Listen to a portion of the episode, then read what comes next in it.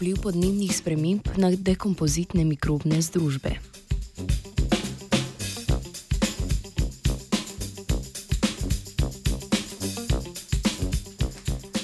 Dobro jutro.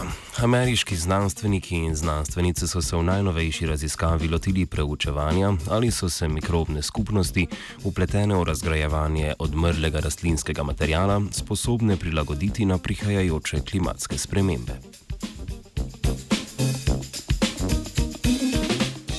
Dekompozicija oziroma razkroj mrtvih organskih snovi v preproste anorganske spojine je pomemben okoljski proces.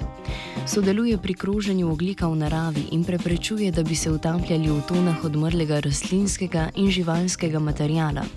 Dekompozicijo vršijo raznolike mikrobne skupnosti, ki se stojijo predvsem iz različnih bakterijskih in glivnih vrst.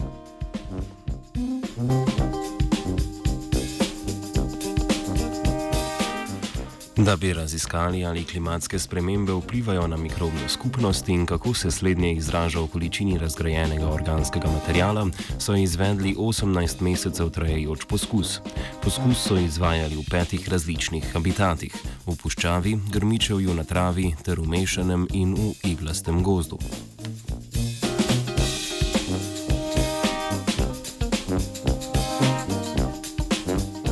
V najlonske mreže s porami, ki so omogočale le prenos vode in hranil iz okolice, ter hkrati onemogočale prehod mikroorganizmov, so dodali sterilizirano odmrlo rastlinje in dodali mikrobno združbo z določenega habitata. V vsak habitat so namestili več silikonskih vreč z odmrlim rastlinjem in z dodanimi mikrobnimi združbami z različnih habitatov.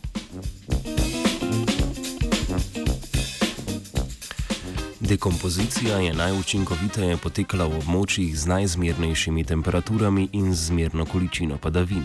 Mikrobne združbe iz posameznih habitatov so v skladu s pričakovanji različno učinkovito razgrajevale posamezen organski material. Presenetljivo pa so tudi ugotovili, da se uporabljene mikrobne združbe niso vedno najbolje izkazale v domačem okolju.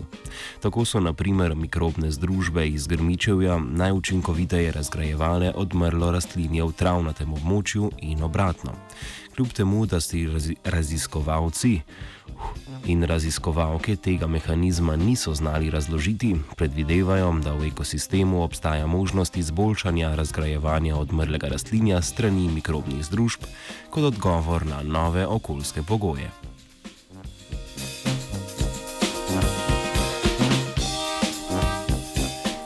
Različnim mikrobnim združbam se je načudila in se še vedno čudi Nataša.